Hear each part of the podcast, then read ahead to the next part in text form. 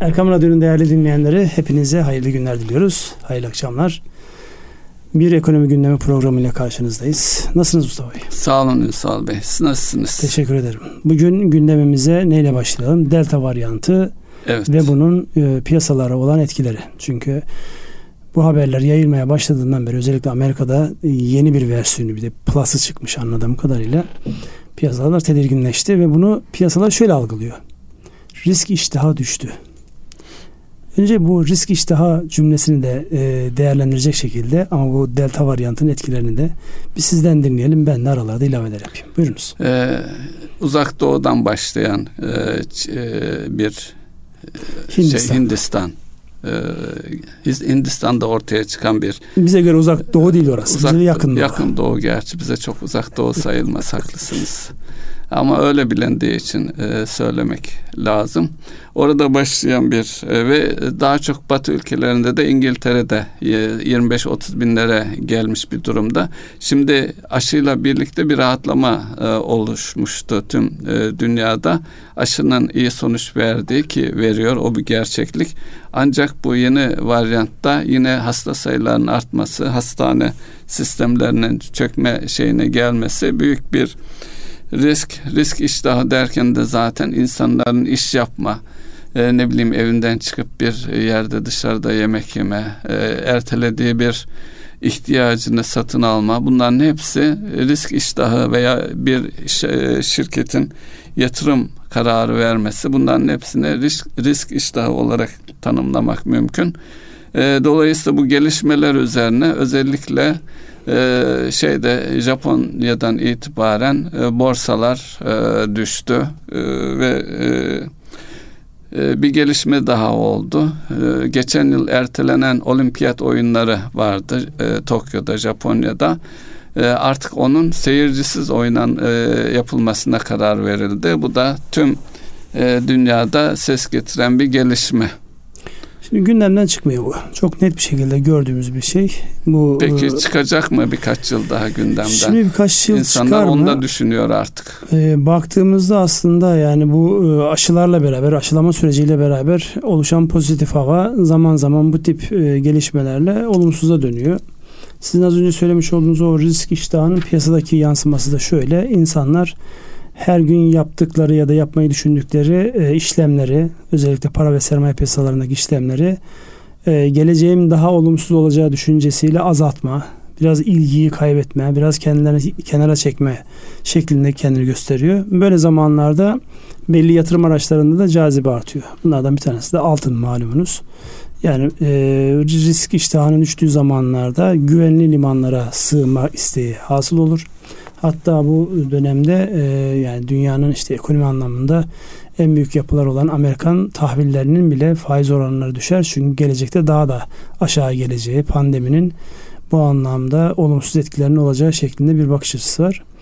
Biz e, bunu kendi açımızdan değerlendirdiğimizde e, biz şu an özellikle para girişleri bekleyen bir ülkeyiz ve riskli bulunan bir ülkeyiz. Yani uluslararası derecelendirme kuruluşlarına göre biz yatırım yapmaya e, uygun değiliz. Ancak kimler geliyor? Daha üst seviyede risk almak isteyen, daha çok para kazanmak isteyenler geliyor. Zaten riskle karın e, zıt kardeşler olduğunu artık herkes biliyor. Biz de buradan tekrarlamış olalım.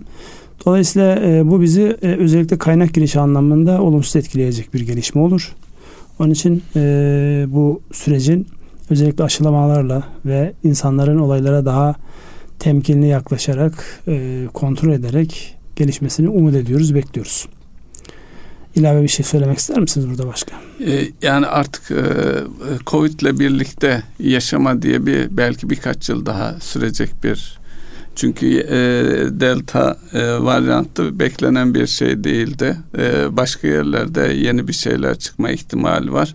Ama artık aşı geliştirildi. Bu aşıları modifiye etmek de mümkün öyle anlaşılıyor e, kontrollü bir şekilde e, böyle gidecek diye düşünebiliriz. Ama bu yılki e, beklenen yüzde altı seviyesindeki dünya büyümesi gerçekleşir mi, gerçekleşmez mi? Bunun ülkemize yansımaları ne olur ne olmaz onlar halen bilinmez olarak duruyor. Ya burada bu hastalığın e, en belirgin tarafı kendini gösterdiği en belirgin taraf seyahatler. Yani şu an biliyorsunuz özellikle hava yolları şirketleri işte bu konaklama işi yapan şirketler çok ciddi beklentilerin altında bir e, kapasiteyle çalışıyorlar. Bir ümitleniliyor. İşte turistler geldi mi, gelecek mi, hangi ülke geldi, gelecek noktasında özellikle bizim gibi ülkelerde birazdan cari açığı da konuşacağız. Çünkü cari açık üzerindeki olumsuzlukları azaltacak gelişmeleri maalesef e, engelleyen şeyler bunlar. Yani evet. e, Haziran ayında, daha da Haziran olmadı, Temmuz'da beklemiş olduğumuz o girişler kısmen olsa dahi işte çarşı seferleriyle olsa dahi istenen dolulukta ve oranda değil. Bu biraz önümüzdeki günlerde öyle tahmin ediyorum ki artık içeride kalmaktan sıkılmış olan yerli turistlerin o tesislere gitmesi ama o tesislerin şu anki ücretleri döviz bazında baktığımızda euro ya da dolar bazında baktığımızda içteki e, insanların e, önemli bir kısmını karşılayamayacağı seviyede. Evet. Yani onu da göz ardı etmemek lazım. Bu anlamda hareketli bir dönem yaşıyoruz. Bu hareketli dönemin e, yansıması olarak yine cari açık üzerindeki en önemli unsurlardan bir tanesi olan e, enerji fiyatları özellikle petrol fiyatları bizim açımızdan önemli. Petrol fiyatları bir ara 78 dolara kadar çıkmıştı ama e, özellikle e, OPEC ülkeleri kendi aralarında bir türlü anlaşmaya varamıyorlar. Kim üretecek, kim üretmeyecek. Orada arzın artacağı beklentisiyle e, Brent petrol 74 dolarlar seviyesinde. Dolayısıyla e, yani petrol de epeyden beri yükseliş trendini biraz frenlemiş vaziyette. Çünkü kapanmalar olursa tekrar işte Tokyo'yu az önce söylediniz yani Japonya e, olimpiyatları seyircisiz yapma kararı aldı. Güney Kore'de işte sosyal mesafe uygulaması ve sınırlamalara tekrar geçildi. Birçok şehir ve ülkede buna benzer şeyler var. Dolayısıyla bunların e, etkileri doğrudan ekonomiye geliyor. Şimdi tabii e, bu bir spor olayıydı ama benzer bir şey de Avrupa Kupası'nda yaşandı ve seyircili maçlar oynandı. Pazar günü de sanıyorum final maçı oynanacak. Evet. O da büyük bir ihtimalle seyircili oynanacak. Dolayısıyla e, ülke bu şunu da gösteriyor. Ülkelerin Covid'e yaklaşımı e, aynı değil. Farklı. Her ülkenin kendi gerçeklerine göre veya endişe düzeyine göre e, daha sert e, kararlar alabiliyorlar. Yine işte Çin, o bölgedeki ülkeler e, Covid'e karşı daha sert tedbir alma eğilimindeler. Bu da işte bir taraftan da demokrasi ve e, otoriter rejimlerin farkı diye izah edilmeye çalışılıyor. Bu açıdan da tabii ekonomiye etkilerini de düşünerek nasıl e, izah edilir bilmiyorum. Şimdi e, az önce size bir anlamda şey yaptım. Uzak Doğu diye tabir edeceğimiz bir yerden Tayvan'da doktora yapan bir arkadaşımızla geçen gün konuşuyoruz. Diyor ki burada günlük vaka sayısı 200-300'e gelince kıyamet kopuyor. Ne yapacaklarını şaşırıyorlar. İşte niye aşı yok, aşı niye tedarik edemiyoruz diye bir panik hallere giriyorlar. Dolayısıyla bazı ülkeler özellikle e, doğu tarafımızın Güney Asya'ya bakan kısmında önemli ölçüde yani henüz daha Çin tamam ama diğerlerinde işte Avustralya daha keza öyle, Yeni Zelanda da öyle. Bu vakalar dünyanın diğer taraflarında yaşandığı kadar yoğun yaşanmıyor ama öbür taraftan da dünyaya şu an çok güçlü bir e, koruma oranı 90'ın üzerinde olduğunu iddia ettikleri Rus aşısını üreten Rusların son zamanlarda günlük 700-800 ölüm vakasına kadar çıktıklarını görüyorsunuz. Oradaki temel problem de kimse aşı yaptırmak istemiyormuş. Yani öyle bir şey var. Evet, e, bu aşıyla ilgili bizim ülkemizde de sanki bir e, şey var. Direnç mi? Direnç var. Bir buçuk milyon seviyelerini geçmiştik. Şu anda sanıyorum 700 bin seviyelerinde e, günlük aşı olma şeyi. İşte çeşitli yerlere e, aşı Ama biraz kafa karışıklığına sebep olmuyor mu? Yani mesela e, birinci aşı yaptıranlara ikinciye gerek yok eğer siz hastalığı geçirdiyseniz denmişti. Dedilerdi evet. Aradan haftası geçmedi. Yok işte ikinci bilim kurulu toplandı. ikincinin de olmasında fayda var dendi. Şimdi bu kafa karışıklığı ya arkadaş bir dakika ne oluyor? Nedir ister istemez yani yani birincide de olabiliyorsa bir tane de olabiliyorsa hiçbir tane de olmayabilir şeklinde böyle enteresan çıkarımlar olabiliyor insanlardan. Zaten ciddi bir şekilde bu işin e, henüz daha aşı fazları tamamlanmadığı için normalde bu aşıların ne etkisinde olduğunun bile bilinmediğine dair çok ciddi hem de böyle ünvanlı profesör ünvanlı olan insanlar çıkıp açıklamalar yapıyor. Dolayısıyla yani normal bence o çekingenlik. Burada ne olur eğer siz %60'lara varırsanız ki bugün bakanın açıklaması öyleydi. 18 yaş üzerinde e, aşılanma oranı e, en az bir doz aşılanma oranı %68'e kadar çıkmış. Dolayısıyla şu an aşı tedarikinde bir problem yok. İsteyen herkes aşısını evet. yaptırabiliyor. Geriye ne kalıyor? Geriye e, bu algının yönetilmesi kalıyor. Vergi programının ilerleyen zamanda bir itibar yönetimi ve algı yönetimi ile alakalı bir kısma da gireceğiz belki. Yani bu algıyı çok iyi yönetmek lazım. insanların en azından kafasından soru işaretleri kaldırmak için. Evet. İsterseniz buradan cari dengeye gelelim. Bugün cari denge açıklandı. Ee, yani Mayıs ayı itibariyle, Mayıs sonu itibariyle ki olan cari denge açıklandı ve toplamda 31.9 milyar dolarlık bir e, açıkla devam ediyoruz. Bir önceki aya göre biraz azalma var ama netice itibariyle 32 milyar dolar ciddi bir hacim. Ne dersiniz cari denge ile alakalı? Ee, e, cari denge e, bizim temel sorunlarımızdan bir tanesi. Hele hele büyüme iste, istiyorsak e, mecburuz cari açık vermeye. Çünkü kendi kaynaklarımızın yeterli olmadığını biliyoruz. Cari açık noktasında bize en çok destekleyeceğini umduğumuz, beklediğimiz e, turizm idi. Turizm geçen yıl e, işte pandeminin başladığı Mart ayından beri ciddi bir kaybımız oldu. Bu yıl beklentimiz yüksekti. Yani e, Mayıs ayında turizmin açılmasını bekliyorduk. Şimdi Temmuz ayına geldik. E, kısmen açıldı. Ee, ülkelerden hala bize e, seyahat yasağı uygulayan ülkeler de var. En büyük müşterilerimizden Ruslar ve Almanlar gelmeye başladı. Ee, ve şu e, delta varyantı bir risk olarak duruyor. Yani ülkeler tekrar e, seyahat yasaklarını başlatabilirler veya belli ülkelerdeki artış nedeniyle biz o ülkeden gelecek insanların gelişini engelleyebiliriz. Dolayısıyla turizmde de riskler geçmiş değil, devam ediyor. İnşallah bir problem olmaz, istediğimiz seviyeye ulaşırız. Ama burada da e, Türk lirasının e, ciddi değer kaybı nedeniyle turizm gelirlerimizde de istediğimiz seviyeye e, her şey yolunda gitse dahi ulaşamayacağımız gibi bir gerçeklik de önümüzde duruyor. Evet. Şimdi burada e, turizmde beklenen gelişme olmayacağını artık görüyoruz. Yani en azından e, planladığımız, düşündüğümüz şey olmayacak. Bunu telafi etmek için son dönemde bütün firmaların yüklenmiş olduğu bu ihracat tarafı, dış ticaret dengesini lehimize çevirme gayretine baktığımızda özellikle son zamanlarda bu e, alacak sigortası yapan, uluslararası ticarette alacak sigortası yapan e, kuruluşların dikkat çektiği bir başlık var. Onunla biz de bu vesileyle zikredelim. Çünkü ihracat bizim için önemli. Önemli bir çıkış kapısı. Her ne kadar kilo başına e, aldığımız bedel istenilen seviyede olmasa dahi en azından ihracat yapabiliyor olmak büyük bir avantaj. Nedir oradaki uyarı diye sorduğumuzda şunu diyorlar. Aynı Türkiye'de olduğu gibi dünyada da bu pandeminin etkisiyle birçok firma zombi konumuna gelmiş vaziyette. Yani yaşıyor gibi görünüyor ama aslında yaşamıyor. Evet. Dolayısıyla oralara yapmış olduğunuz ihracatlarda bunların isimleri çok da büyük de olabilir, küçük de olabilir.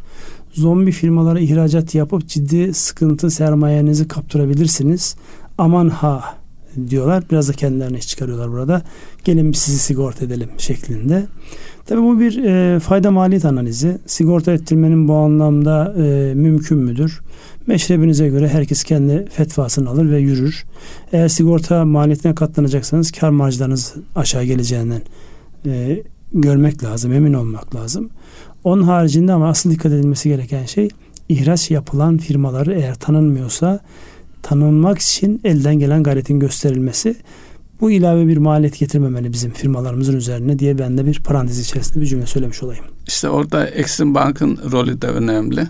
E, sigorta etme noktasında uygulamaları var. E, ve tabii e, ihracat ödeme yöntemini de e, firmalar değerlendirmesinde yarar var. Ee, yani mal mukabile e, ödemelerden özellikle uzak durmaları, akreditifli ödemeleri yani e, belli banka garantilerini almak kaydıyla yapılacak ihracatın öne çıkması. Tabi bunu söylemek kolay ancak e, yıllardır devam eden ticari ilişkilerde göz önüne aldı, alındığında bir noktada bunu e, karar vermek zor e, ve uygulamak da zor. Öyle de bir ya oradaki psikolojiyi şey de görmek lazım Mustafa abi. Yani şöyle şimdi bir Alman firmaya bir Fransız firmaya mal satıyor olmanın sevinci, mutluluğu evet öyle şartları siz belirlemiyorsunuz. O lütfediyor sizden mal almak için. Dolayısıyla yani bunu sağlayacak aslında e, arka tarafta eskiden dış ticaret sermaye şirketleri vardı ama maalesef çıkış mantığı düzgün de markası işte bu hayali ihracatlar bilmem nelerle istismar, edildi. istismar edilen bir sürü şey olduğu için onların arkası gelmedi. Dolayısıyla bu kooperatif bilinci, ortaklaşa hareket etme bilinci ve gücü toplama bilinci ne ne kadar çok ihtiyaç duyduğumuzun aslında göstergesi bu. Biz burada e, hatırlatmış olalım. Sadece ihracat önemli bir kalem. Herkes ihracata yönelsin çünkü dünya oyuncusu olmamız gerekiyor. Ancak e, olayın finans tarafını, sigorta tarafını, güvenlik tarafını da göz ardı etmeyerek diyelim. Hafta başında enflasyon açıklandı. Evet. Herkesin dört gözle beklediği enflasyon geldi önümüze düştü. Dolayısıyla bu neyi belirleyecekti? Bu e, Merkez Bankası'nın bu ay yapacağı e, para politikası kurulunda işte enflasyona bağlı olarak alacağı kararı etkileyecekti. Ama biliyoruz ki enflasyon beklenenden de yukarıda geldi ve bu e, bu anlamdaki Merkez Bankası'nın alacağı kararları da etkileyecek. Onu bir yorumlar mısınız? Nedir bu oranlar? Ne ee, anlama şimdi, geliyor? Şimdi e, tüketici fiyat endeksi e, TÜFE e, 17.53 e, olarak e, bir önceki ayda 16.59 idi. Yani geçen hafta da konuşmuştuk ve e, sürekli konuşulan enflasyonun düşme eğilimine gelmesi ve buna bağlı olarak da Merkez Bankası'nın e, bu ay veya gelecek aydan itibaren gündemine faiz indirimini alması bekleniyor idi. Ancak bu gelişmeler sonucunda e, şey e, bu beklenti önümüzdeki aylarda da e, düşmeyeceği yönünde bir noktadayız. Hatta yine bugün e, Merkez Bankası'ndaki beklenti e, anketi e, açıklandı. E, burada da e, daha doğrusu e, katılımcıların anketi diye e, de değiştirildi adı. Bu ankete göre e, 15.64 yıl sonu beklentisi. Yani bu e, enflasyonun artışı faiz indirimini indiriminin e, ne bileyim ufukta e, yakın gelecekte görünmüyor önümüzdeki birkaç ay daha. Tabii bu detaylara baktığımız zaman hangi kalemler ön planda derken son bir yıla baktığımız zaman yıllık e, Haziran değişiminde 26 ulaştırma e, oldukça yüksek ev eşyası e, alkolsüz içecekler, çeşitli mal ve hizmetler şeklinde e, enflasyona yansıyan kalemler var. Ama burada isterseniz e, üretici fiyat endeksini. Evet yani ben de onu söyleyecektim. E, Oradaki asıl dikkat çeken kritik husus o. Oraya fiyatlama fiyatlara yansımayan bir evet. üretici enflasyonu var. Evet orada da 38.33'ten 42.89'a çıktı. Burada kritik olan husus e, Ünsal Bey aradaki e, iki enflasyonun e, yani üretici ve tüketici arasında ciddi bir e, makas oluştu. Yaklaşık 25 e, puanlık bir makas. Dolayısıyla bu e, makasın tüketici fiyatlarına da yansıması bekleniyor. Belki ikisini de ayrı ayrı e, düşünmekte, değerlendirmekte de yarar var. Yani enflasyon ekonomi üzerindeki genel etkisi bakımından da yani üretici enflasyonundaki bu rakam tekrar yükselme eğiliminde bunun e, sebepleri sadece bizden kaynaklanmıyor. Emtia fiyatlarındaki dünya genel fiyatlarındaki artışı da görmek lazım. E, bu ikisi arasında da e, hatta şu boyutuyla da değerlendirmek lazım belki Ünsal Bey üretici fiyatlardaki e, enflasyonun şirketlere etkisiyle e, vatandaşa son tüketicilere olan etkisini ayrı ayrı değerlendirmek belki yararlı olabilir. Yani üretici fiyatlarındaki bu artışlar bir takım şirketlere ciddi kar olarak da yansıyor olabilir. Onu onu zamanla göreceğiz. Yani ee, onu ne kadar e, şimdi şunu görüyoruz bir kere e, hiç uzun zamandan beri olmayan bir şey yaşıyoruz. Stok tutmanın evet. stok yapmanın karlı bir şey olabileceğinin e, unutmuştuk biz bu e, enflasyonun özellikle düştüğü dönemle beraber aslında biz bu şeyi unutmuştuk. Yeniden gündemimize geldi. Yani e, tabii insanlar stok yapıp da e, fiyatları yukarı götürüyorlar falan diyemeyiz. Çünkü bu biraz e, hep iki haftadır üzerinde vurgu yapıyoruz. Dışsal faktörleri göz önünde bulundurmadan bir şey söylenemez. Yani şu an özellikle dünyadaki emtia fiyatlarındaki gelişmelere bakıldığında e, hem e, işte metal dediğimiz emtialar hem de e, işte soft e, commodity dedikleri işte bu e, gıda ve e, onları doğrudan etkileyen ürünlere baktığımızda mesela Çin'in çok önemli stok yaptığını ve bu fiyatların yukarıda kalmasında Çin'in stok yapma eğiliminin e, çok önemli rolünün olduğu söyleniyor. Niye Çin stok yapıyor? Çünkü elindeki fazlayı daha önceden Amerika'ya borç olarak veriyordu. Şu an aradaki o ticaret dengesinden dolayı bir de dünyanın üretim üssü olması sebebiyle en fazla e, ham maddeye ihtiyaç duyan yerlerden bir tanesi. Dolayısıyla bunu stokluyor. Ama bu arada tabii göz önünde bulundurmamız gereken şey yine iki haftadır dikkat çektiğimiz bir başlık. Ulaştırma fiyatları yani lojistik, navlun, navlun taşımanın fiyatları inanılmaz yukarı gitti. Bu da etkileyecek. Dolayısıyla buradan baktığımızda aslında biz burada biraz yani çok böyle arzulamamakla beraber kurban psikolojisindeyiz. Yani bizim dışımızda gelişiyor hadiseler. Dolayısıyla kurban psikolojisinin şeyi nedir? Kafayı uzatırsın beklersin. Dolayısıyla biz e, özellikle dünyadaki bu gelişmelerden dolayı bu psikolojiden çıkacak e, işaretler de yine dünyadaki gelişmeler olacak. Ama şu an dünyada e, gıda enflasyonu başta olmak üzere enflasyonun aşağı gelmesine sağlayacak herhangi bir şey yok. Aynı bizdeki gibi Çin'de de mesela enflasyon oranları beklentilerin çok üzerinde çıktı. Tabi bizimle kıyaslanmayacak kadar aşağılarda onların oranları ama orada da e, aynı yine üretici ve tüketici enflasyon farkı var. Üreticilerin henüz daha tüketicilere yansıtmadıkları bir enflasyon farkı var ama bir taraftan da eldeki değerler yukarı doğru gidiyor. İlave edeceğiniz başka bir şey var mı burada? Ee, enflasyon konusu önümüzde bizi meşgul etmeye devam edecek. Yani bakıldığında şimdi e, bir genel değerlendirme yapılırsa şimdi e, ekonomistleri dinlediğiniz zaman işte e, bunların hepsi bir problem olarak ortaya konuluyor. Çıkış noktasında bizim ülke olarak dünyayla birlikte veya dünyadan ayrışarak pozitif yönde ne yapabiliriz? Şu anda e, son e, gelişmekte olan ülkelerle kıyaslandığımızda özellikle ülkeye ülkemize girecek e, kaynak girişleri hem doğrudan yatırımlar olsun portföy yatırımları olsun kısa vadeli hazine bonusu veya hissesine de burada da bir diğer gelişmekte olan ülkelere girişler varken bizden çıkışlar oldu.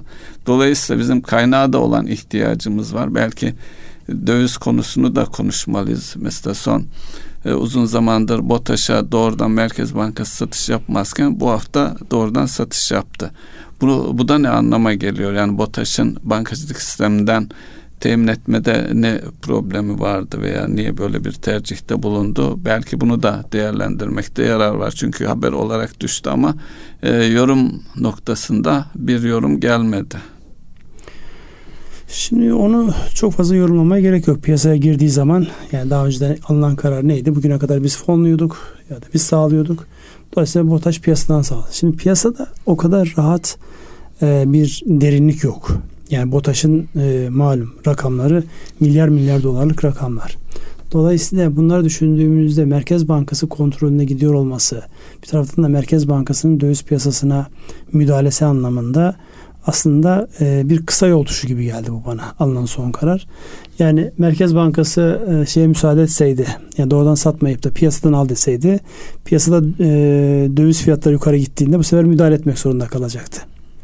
Dolayısıyla dolaylı olarak müdahale etmek yerine doğrudan kendisi tedarik sağlayarak e, yani işi uzatmadan bir kısa yol tuşu kullanmış gibi ben yorumlamak istiyorum. Aksi takdirde bu tip bir talep piyasanın derinliği olmadığı için çok ciddi oynamalara e, fiyat ciddi fiyat hareketlenmelerine sebep olur diye e, düşünüyorum ben kendi hanemde.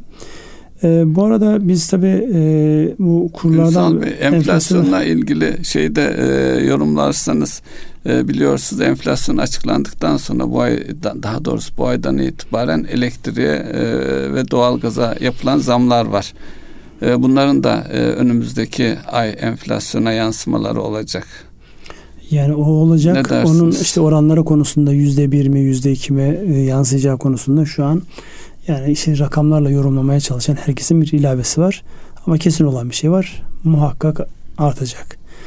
Bunun e, özelliği ne? Enflasyon genellikle bizde Haziran aylarında eksi yazardı. Yani en iyi oldu dönem. Çünkü Gıdadan tarladan ötürü, hasat evet. almışsınız. İşte fiyatlar e, belli bir ölçüde düşmüş gibi görünüyordu ama baktığınızda gittiğinizde çarşıya, pazara, manava gittiğinizde şöyle bir şeyin düşmediğini görüyorsunuz yani. Hala domates 10 liranın üzerinde satılıyor. 10 liraya domates satılıyor. Evet. Tarlada kaç paradır bilmiyorum ama son tüketiciye 10 liraya geliyor.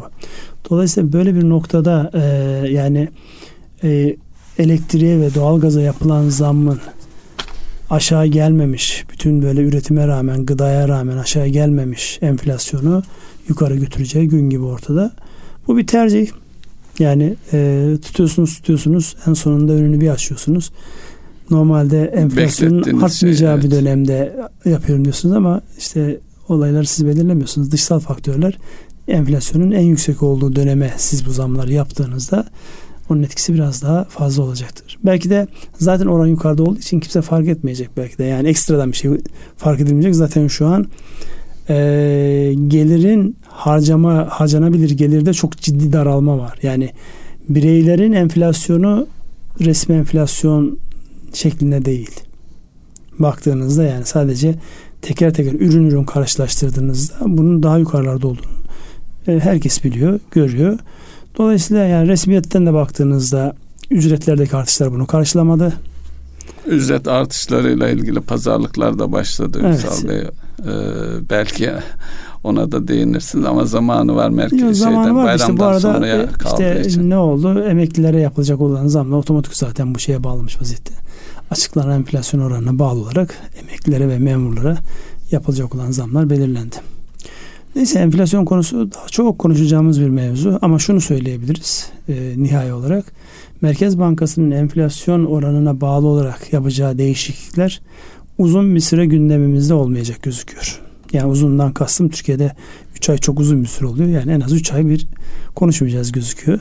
Ondan sonraki kısmına e, vakti geldiğinde bize bakarız ama şu şartlarda kimse onu konuşacağını zannetmiyorum. Ee, Ünsal Bey bu enflasyon konusunda e, dünyada merkez bankaları yetkili biliyorsunuz. Şimdi bir tartışmaya e, rastladım.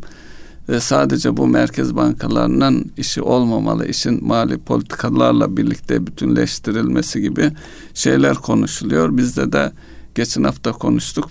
Fiyat İstikrar Komitesi e, kuruldu. Onunla birlikte acaba bu pandemiyle birlikte tüm dünyada merkez bankalarının enflasyonu kontrol etme hatta birbirleriyle de ilişkileri çerçevesinde e, nasıl bir yorum yaparsınız? Ya şimdi ortaklaşa bir şeyler hareket edilecekmiş gibi görünüyor ama zaten biz biliyorsunuz para politikası olarak bizim toplandığı günümüz yani birçok şeyin büyük merkez bankalarının toplantılarından sonra yapılıyor. Hemen arkasında evet. Çünkü Amerika'ya bir şeye karar verecekse onu görmek lazım. İşte Çin bir şeye karar verecekse onu görmek lazım. Japonya, İngiltere ve Avrupa'nın tamamı. Bunlardan sonra siz belirliyorsunuz. Çünkü burada siz e, etkin konumda değilsiniz. Edilgen konumdasınız. Şimdi edilgen konumda olmanın dezavantajı nedir? Onlar e, ne belirlerse sizin bahtınıza o çıkar. Ama genel anlamda şunu bak e, şunu görüyoruz. Mesela özellikle Amerika açısından baktığımızda biraz ekonomi kıpırdasın diye enflasyon istiyorlar. Ama enflasyon biraz yukarıda çıktığında da işte kaygı duyulacak boyutta mı değil mi şeklinde bir e, endişe telaş başlıyor. Dolayısıyla onlarınki de çekilir cinsten bir şey değil yani. bir taraftan enflasyon istiyorlar öbür taraftan da azıcık bir yukarıda çıktığı zaman elleri ayaklarına dolaşıyor. Ama gerçek olan bir şey var. Netice itibariyle belirleyici olan onlar. Onlardaki yansımalar bize gelecektir. Dünya bunu enflasyonu kontrol ediyor mu? Evet enflasyonu kontrol etmeye çalışıyor. Herkesin ilk gündem maddesi bu. Ama öbür taraftan da bir taraftan da ekonominin çarkı dönsün, hareketlensin diye de bazı yerlerde enflasyon isteniyor. Hatırlarsınız Japonya evet. yıllarca böyle neredeyse yalvar yakar konumunda enflasyonu kıpırdatamadı. Hatta şu pandemi sürecinde bu varyanttan dolayı bugün e, okuduğum bir haber vardı. Japonlarda gene e, tasarruf eğilimi tavan yapmış. Harcama yapmıyor kimse. Evet. Tabii bir de şu var herhalde bu zaman zaman e, değindiğiniz bu kaçağı e, şu anda e, insanlar, ülkeler, şirketler aldıkları kararların, tedbirlerin işe yarayıp yaramadığı konusunda emin değiller. Dolayısıyla bir adım atılıyor, tekrar bakılıyor, tekrar bir adım daha atılmaya çalışılıyor veya atılan bir adımdan geriye geliniyor. Ee, Tam da tam da öyle bir e, habere ya da konuya denk geliyoruz. E, VUCA çağı diyorsunuz. VUCA nedir? İşte oynaklık, e, karışıklık, komplekslik ve dalga boyların derin olması. Yani belirsizliğin Belirsiz. başka bir boyutu. Bu kadar belirsizlik ortamında e, ülkemizde ve dünyada en fazla teknolojiye yatırım yapan kurumlardan bir tanesi. İsmini vermeyelim ama kurumsal renklerini söylüyorum. Kırmızı ve beyaz rengi olan bir banka. Büyük bankalardan evet. bir tanesi. Hafta içerisinde çok enteresan bir şey yaşadı. Yani e, eski bir bankacı olarak e, sizin bu konuyu yorumlayacağınızı e, tahmin ediyorum. Ama ben şunu söyleyeyim. Hiçbir bankacının ve hiçbir müessesenin işlemeyeceği bir şeyle karşı karşıyalar. Nedir bu? Ee, teknolojik olarak bir şeylere aksayabilir. Ama itibarınıza vuracak bir şey olduğunda artık o onun bedelleri çok olur. Bir de sizi e, yayından önce şey demiştiniz. Bankacılıkta itibar manevi değildir, maddidir, anında yansıması olur evet. diye bir e, yorumunuz vardı.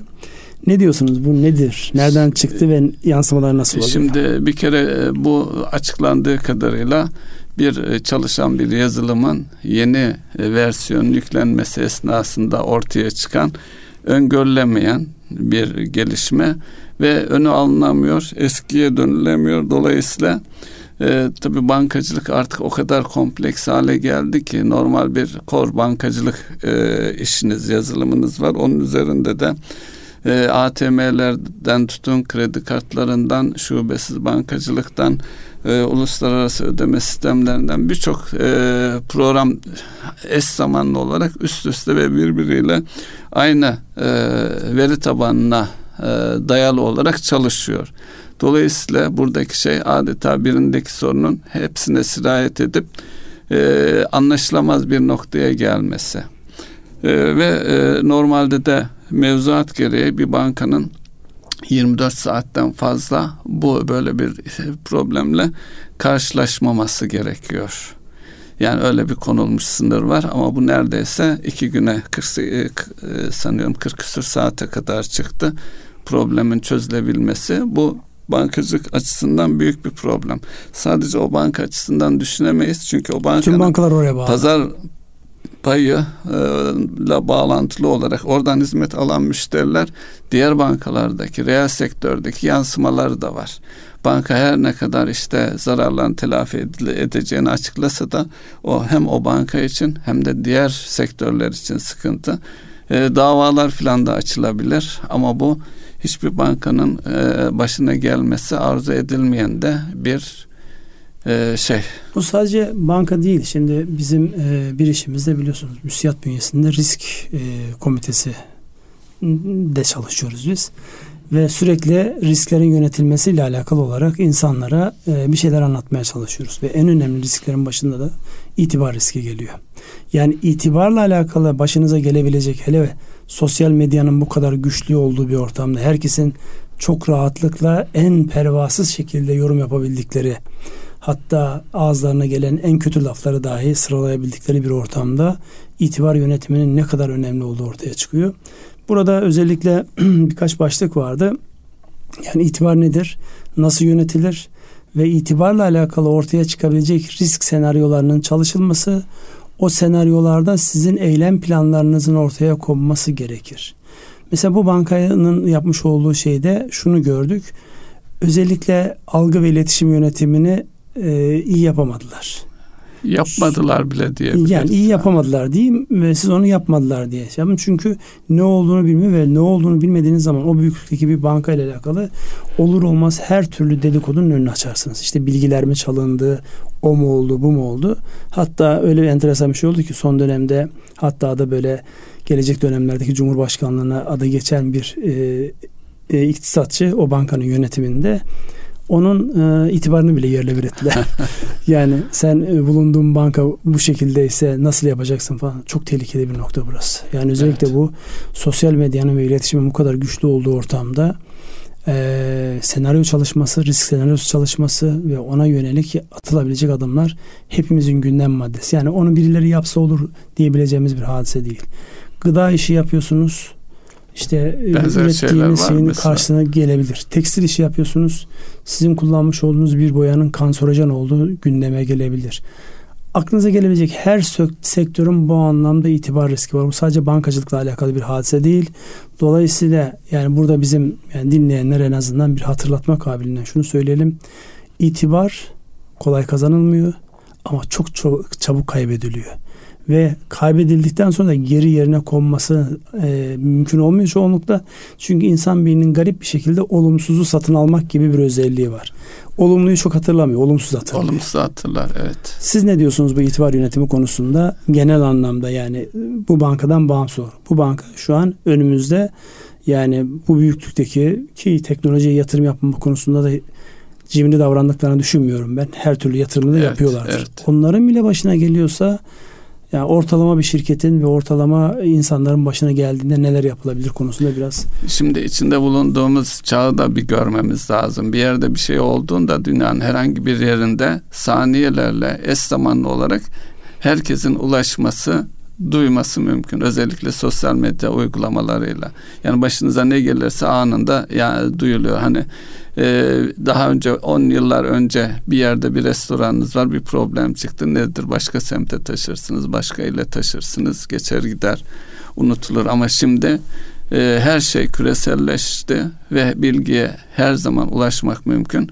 Dolayısıyla itibarda en hassas yönetilmesi gereken işlerden bir tanesi ve büyük yatırım gerektiren de işler. Yani bir bankanın e, kendisini tanıtması için yani reklam bütçelerini e, on, onlarca milyon dolar harcıyorlardır en e, şey banka bile ortalama banka bile bu reklam ve tanıtım için artık sadece reklam tanıtım deyince eskiden gazete ve televizyonlar akla gelirdi. Şimdi e, her türlü sosyal medyada bunların e, reklamlarını, ilanlarını görüyoruz. Bunların hepsi para demektir. Böyle bir şeyde banka sessiz kalmaya çalıştı. Sadece duyurular yaptı. Belki stratejik olarak yani bunun e, bilinmesi, duyulmasını engelleme adına veya daha az konuşulma yani bir şey söylersiniz o tartışılması da daha büyük bir şey getirebilir. Sanki orada biraz e, yeteri kadar bilgiyle açıklıkla e, davrandılar ama e, yine e, bu konuyla ilgili insanların yazdığı, çizdiği, konuştuğu şeylerden hareketle de e, bu süreçte bankanın destek olmaya çalışanlardan e, destek kabul etmediği yönünde de şeyler var. Tabi bunlar da olumsuz. Tevatür olabilir bunlar bilmiyoruz. E, artıran şeyler yani çözüm ortaklarıyla. Tabi burada bunlar konuşulunca benim aklıma gelen hatırlarsınız eskiden de e, profesyonel hayatta kart işimizde başımıza çok sık gelen bir şeydi sistem kesintileri falan. Tabi o zamanki teknolojiyle bu zamanki teknolojiyi de e, kıyaslanmaz e, şekilde e, arttı. Yani e, özellikle pandemiyle birlikte Ünsal Bey evden çalışma ön plana çıktı. Bunu en fazla da e, IT bilgi işlem sektöründeki çalışanlar evden çalışmaya başladı. Halen de devam ediyor. Orada verimlilik artışı da oldu. Ancak şu bankanın yaşadığı problemin evden çalışma e, siz, e, anlayışıyla birlikte masaya yatılacağını düşünüyorum. Yani oradaki handikaplardan bir tanesi de e, bu olduğunu düşünüyorum. Yani işe zamanda müdahale edebilecek adamlar büyük bir ihtimalle orada değillerdi. Evet. Evet. Ne öneriyorsunuz peki? Bu herkesin başına gelebilir şu an. Herkes evinden çalışıyor. Gelebilir evet. Finans sektörü de başka sektörlerde. Bu da öğrenme süreci olacak. E, riskleri minimize edecek, küçültecek tedbirler alınacak. Peki burada şey var mı yani sizin daha önceki deneyiminizde özellikle bu ödeme sistemleriyle alakalı e, bankaların ya da bu çözüm ortalığı olan şirketlerin başına gelenler daha sonra yani senaryo analizi olarak anlatılırdı insanlara evet. ve insanlar da buna yönelik tedbirler alırdı. Burada sizce e, bu banka ya da bunu yaşayan, benzer şeyler yaşayan yapılar bu yaşadıklarını açık yüreklilikle diğer insanlara anlatıp buralara tedbir alınması gerekir diye bir şey söylerler mi yaparlar mı yoksa sadece onlarda mı kalır bu bilgi? Onlarda kalır ama şundan emin olabilirsiniz. E, tüm bankalar şu an Türkiye'deki belki küresel ölçekte de bu yaşanıyor olabilir. Tüm bankaların bu haftaki konusu böyle bir şey olursa ne yaparız diye bunun toplantısı yapılıyordur. Hatta e, şeyde o zaman ticari bankadayken Barings Bankası batmıştı hatırlarsanız. O haftaki konu batma nedeni de biliyorsunuz. E, hem e, karar verenle muhasebesini tutan kişinin aynı yönetici olması ve o yöneticinin yaptığı bir hatadan hatta daha öncesi de bir e, fele, küresel felaketi yani Kobe depremine dayanan bir geçmişte vardı. O hafta tüm çalıştığım bankada başta olmak üzere tüm bankanın üst yönetiminin masasında bu konu vardı ve oradan hareketli ciddi tedbirler alındı. Mesela rahmetli Sabancılara suikast yapılmıştı hatırlarsanız. O olduğu haftada tüm bankalar fiziki güvenlik konularını masaya yatırmışlardı. Yani bu yaşanan problem e, tüm Türkiye'deki bankalar için öğreticidir ve kendilerinin de böyle yaşamaması için ne tedbir alacaklarını konuşuyorlardır. Zaten buradan hareketle bizi dinleyen insanların da ne iş yapıyorlarsa e, risk yönetimi açısından düşünüp risklerini ona göre tedbir almalarını beklemeliyiz değil mi? Özellikle e, yani bu bana gelmez, bizi bulmaz, biz böyle bir şey yaşamayız eminliğinden biraz uzak olmak gerekir. Risk yönetimi adı üzerinde biraz böyle hafiften bir paranoya e, durumunu gerektirir. Çünkü olabilecek bütün ihtimalleri sayıyorsunuz ve ona yönelik olarak siz tedbir alıyorsunuz. E, buradaki en hafif e, alınacak ya da ağır bedel ödetecek hadise nedir? Orada yaşandı çünkü deyip orayı böyle hani e, küçümseyen, hafife alan, çok umursamayan, bu bizde yok zaten dediğimiz şey başımıza gelebilir. Onun evet. için yaşanan bu tip gelişmelerin acaba bizde yansıması ne olur? Bende hangi açık var? Bilginin tek yerde toplanması, otoritenin tek yerde toplanması da zaman zaman problem. Ee, dağınık olması da zaman zaman problem. Dolayısıyla sistemi dönüp dönüp yeniden gözden geçirmek gerekir. Gelişmelere göre yeniden gözden geçirmek gerekir. Mesela son dönemde bizim özellikle danışmanlık tarafında gündemimize ne geliyor? İşletmeler bize ne diyor? Pandemi öncesinde benim işlerim gayet iyiydi. Ne yapacağımı biliyordum, nereye satacağımı biliyordum. Nasıl yöneteceğimi biliyordum. Şu an bütün ezberlerim bozuldu. Ben işi yeniden öğreniyorum. Deyip bir çözüm ortaklığı gelişiyor. Dolayısıyla aslında e, bu yaşanan e, hadiseler bize işlerimizi yeni baştan gözden geçirmemiz ve sürekli arz etmesi gerektiği konusunda da bir fikir veriyor. Çünkü hepimizin bildiğimiz ya da bildiğimizi zannettiğimiz ezberlerin tamamı bozuldu. Onun için bunlar da bu anlamda fırsat diye bakmak icap eder. Yani ya işte onlar şunu yaptığı için hafife alarak geçmeyelim. Ciddiye alarak üzerinde kafa yoralım. Evet. Hatta işletmeler şunu çalıştığım bankaya bir şey olursa ben ne yaparım da düşünmeli. Aklıma şey geldi Intel'in e, yıllar önce patronunun bir açıklaması vardı. E, şu kitabı da vardı sanıyorum sadece paranoyaklar ayakta kalır diye. Onun için e, aşırıya gitmemek kaydıyla e, riskleri düşünmekte yarar var. Evet bir onları düşünmekte fayda var. Bir de e, bizim e, göz ardı ettiğimiz bir hadise var. Yani e, her şeye hakim olduğumuz zannı bizi en fazla sıkıntıya sokan unsurlardan bir tanesi. Halbuki baktığımızda e, gerçekten kontrol edebildiğimiz alanın sayısı o kadar sınırlı ki. Yani insan unsuru var, teknoloji unsuru var. E, bir sürü alt e, açılımlar var. Bunların hep birlikte değerlendirdiğimizde o kontrol noktalarımızı tekrar tekrar üzerinden geçmekte fayda var. Aynı bir uçağın havalanmadan önceki e, checklist programı gibi. Siz e, saat işaret ediyorsunuz anladığım evet, kadarıyla. zamanımız. Dolmak üzere mi? Evet. O zaman burada bırakalım. Yani konuşulacak daha bir sürü konu vardı bakıyorum önümde. Liste uzun yani Avrupa Merkez Bankası'nın bundan sonraki atacağı adımlarla alakalı hususlar var. Çin-Amerika ilişkisi var. Rusya ile alakalı, ambargo ile alakalı konular var. Neyse burada keselim. Evet. Önümüzdeki hafta e, Allah nasip ederse yeni gündem maddeleriyle devam ederiz. Erkan Radyo'nun değerli dinleyenleri bir ekonomi gündemi programının daha sonuna geldik. E, dilimizin döndüğünce gördüklerimizi, görebildiklerimizi size aktarmaya çalıştık. Sürçülisan eylediysek affola. Hayırlı akşamlar diliyoruz. Hayırlı akşamlar.